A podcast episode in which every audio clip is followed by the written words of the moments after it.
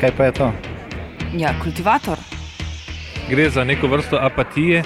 To lahko reče samo kreten, noben drug. Socialni invalid in ga je ne mogoče urejati. Drugi kandidat. Pa, pa pije, kadi, masturbira, vse kako hoče lahko počne. Nihče tega ne ve. Vsak petek skultiviramo dogodek tedna. Lahko po kriterijih radio študent, težko pa po evropskih kriterijih. Ampak na drug način, kot vi to mislite. Kultivator vedno užge. Da pač nekdo sploh omenja probleme, ki so, in da pravzaprav sploh nekdo sproži dogajanje uh, v družbi. To drži, drži.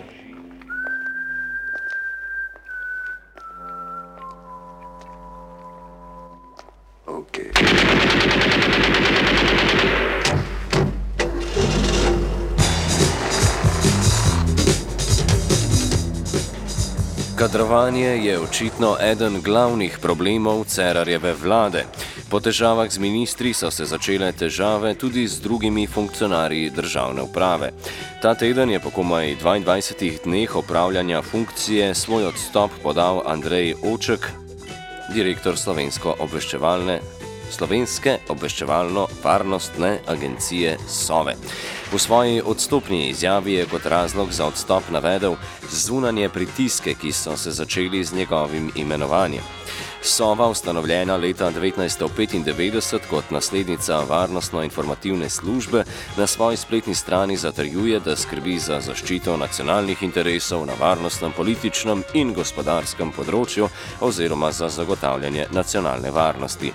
Ker nas je zaskrbelo za nacionalno varnost, smo o delovanju Sove brez direktorja poprašali Istoka Podbregarja, nekdanjega direktorja te agencije. Torej, zdaj tako, ne, če formalno gledamo, če nekdo dal izjavo o odstopu, ne, je vršilec doznosti tako dolgo, dokler drugi direktor ne začne, torej novi direktor ne prevzame. Ne. Dejstvo pa je, da v bistvu gre pri procesu obveščevalno-varnostne dejavnosti, ker pridobivamo podatke, jih vrednotimo, analiziramo in pošiljajo informacije uh, uporabnikov. Ne tudi za pridobivanje, predvsem na procesu, ker se pridobivajo podatki za zelo zahtevne uh, žive odnose med tajnimi sodelavci in operativci služb. Ne. No in takrat, ko prihaja do situacij, ker uh, je v bistvu vodstvo v zamenjavah, kot je zdaj v tem konkretnem primeru, torej menjave direktorjev, ponovadi ti procesi to, to doživljajo kot motno in se tudi ustavljajo za nekaj časa in tako naprej. Tako da je zelo dobro, da se čim prej situacija razreši in postavi nov direktor. Že stari pregovor pravi, da ni slabih delavcev, so le slabi šefi. Direktor Sove je kot direktor vladne agencije odgovoren direktno predsedniku vlade, zato je tudi ta odgovoren za njegovo imenovanje. Čeprav je mandat Andreja Očka do danes najkrajši mandat direktorja Sove, pa tudi njegovi predhodniki niso bili dosti bolj vzdržljivi. Opaziti je le en primer direktorja, ki je zdržal celoten mandat, zato je mogoče podvomiti v način izbire slovenske ustreznice, tako imenovane M iz vesolja Jamesa Bonda. Politično motiviran izbirni postopek zagovarja Branko Lobnikar iz Fakultete za varnostne vede. Vsak predsednik vlade ima pravico zamenjati najvožje sodelavce in uh, ne poznam vlade na svetu, je, kjer predsednik vlade ne bi smel ali tudi dejansko zamenjal šefa obveščevalne službe. Obveščevalna služba namreč za vlado vedno pripravlja pomembne informacije, da ta lahko sprejema kakovostne odločitve. Zaradi tega ni nič nenavadnega, da vsak predsednik vlade nastavi tudi nekoga, ki mu osebno zaupa, da bo strateško znal voditi in upravljati eh, pomemben državni organ. Tudi nihče se temu v tujini ne čudi. Ne. Čudili bi se, recimo, da bi predsednik Obami rekli, da ne sme zamenjati šefa obveščevalne službe. tisto, kar je treba, kar je treba um, reči, je, da včasih predsedniki vlade nimajo najbolj srečne roke z izbiro um, kandidatov za vodenje tega organa in tukaj nastopi potem nekaj zadreg, takšen kot je bila ta zadnja.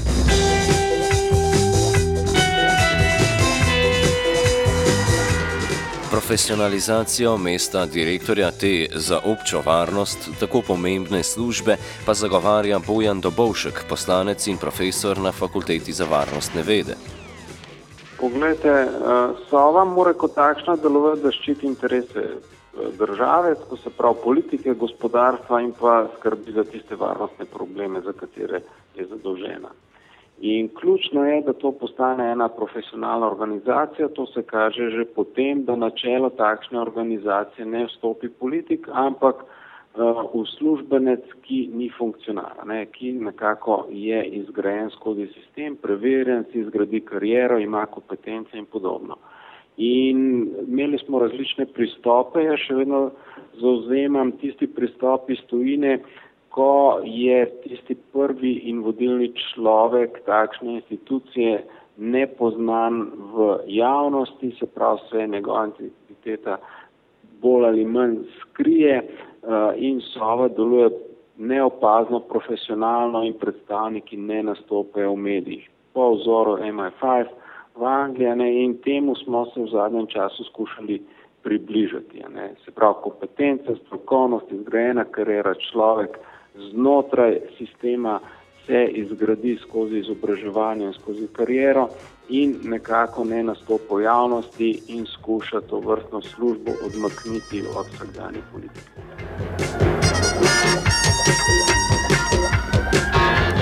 Vseeno pa odstop zaradi zunanjih pritiskov ustvarja občutek, ki ga lahko pričara le romanopisec John Lacar.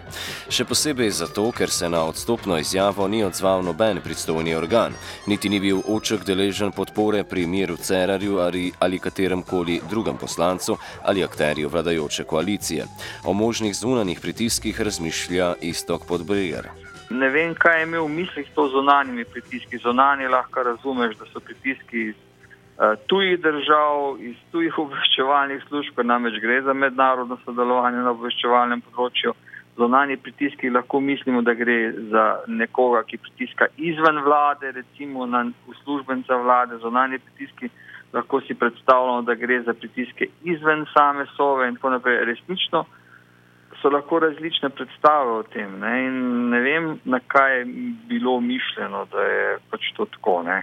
Zdaj, uh, verjetno pa se nadzorni mehanizmi oziroma odgovorni predstojniki iznad, ki so nadrejeni, to je vlada oziroma predsednik vlade, je dobo kakšno bolj natančnejše pojasnilo in bo prav gotovo na podlagi tega pojasnila lahko oceno na kakšen način lahko vlada s svojimi pristojnostmi, recimo, karkoli obravnava in reši.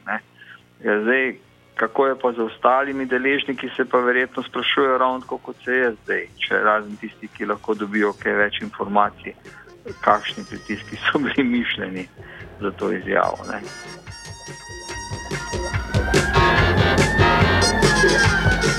Težko si je predstavljati okoliščine, pri katerih se vrhovnemu tajnemu agentu države zatresejo hlače.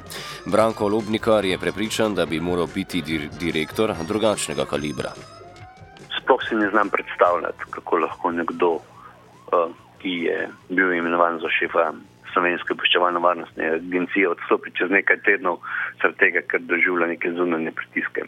Uh, vodenje takšnega pomembnega organa a, zahteva neko osebnostno strukturo posameznika, ki je dovolj kompetenten, dovolj samostojen na svojem področju, da lahko takšnim pritiskom, a, da takšne pritiske upravlja vsak dan. Um, je pa ta sintagma zunani pritiski tako nedoročena, da človek niti komentirati ne more. Um, je pa po mojem mnenju bolj PR-ovski twist kot uh, resno, resni, resni razlog.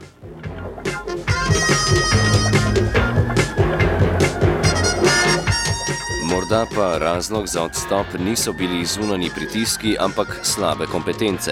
Andrej Oček naj bi bil na Sovi do sedaj že zaposlen kot analitik, brez večjih odgovornosti ali pomembnejših nalog. O nekompetentnem direktorju razmišlja Bojan Dobovšek.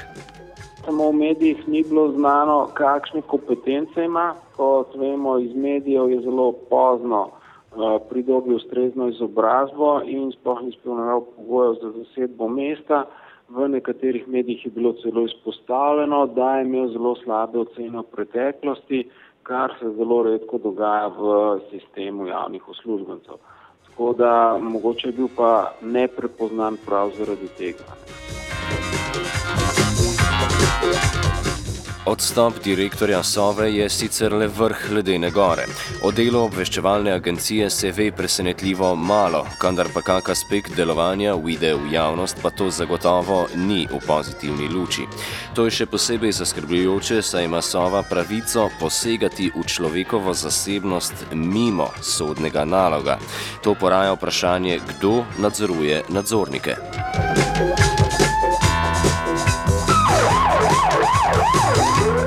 Nadzor Sove naj bi bil razdeljen med sodno, zakonodajno in izvršilno vejo oblasti.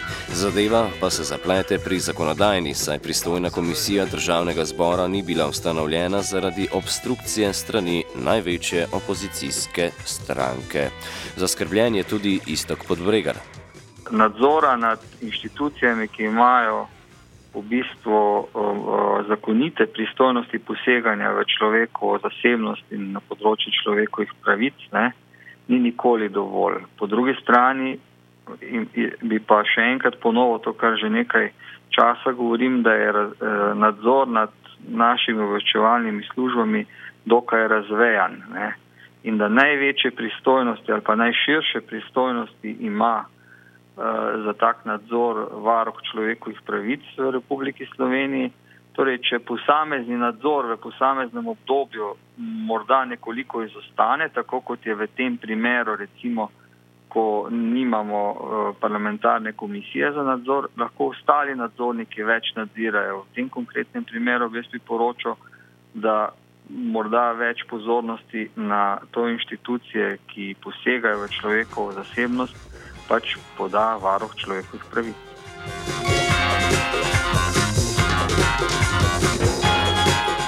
O že predlaganih rešitvah, ki bi vendarle omogočile ustanovitev parlamentarne komisije za nadzor nad obveščevalnimi službami, pa spregovori Bojan Dobovšek.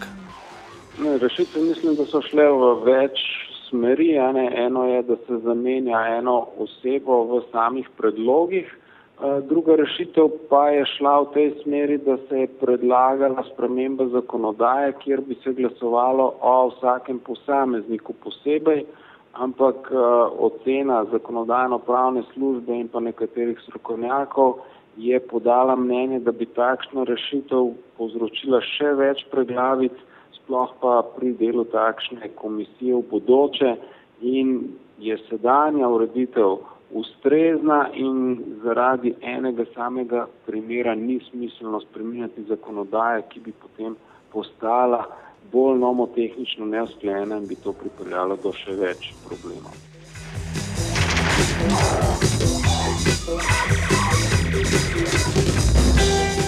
Seveda se je potrebno vprašati tudi, če je tak način nadzora sploh smiselen in učinkovit.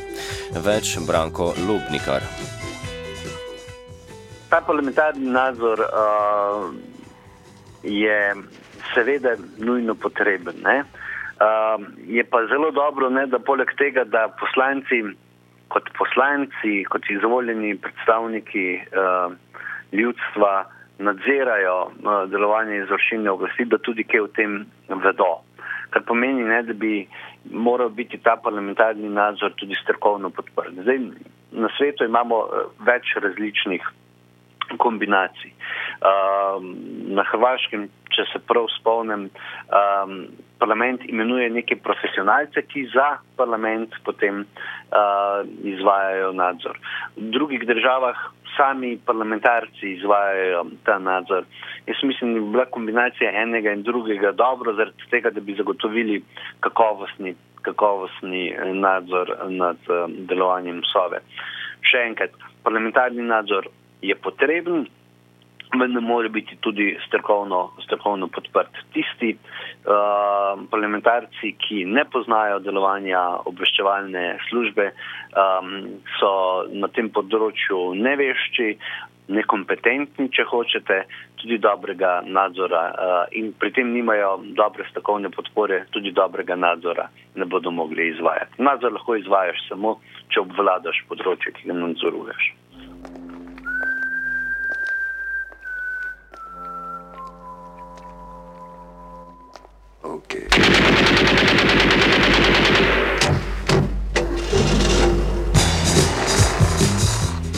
Sova tako ostaja še en od glavnih oziroma državnih aparatov, ki bi za dobro poznavanje zahteval globok potop v kanalizacijo.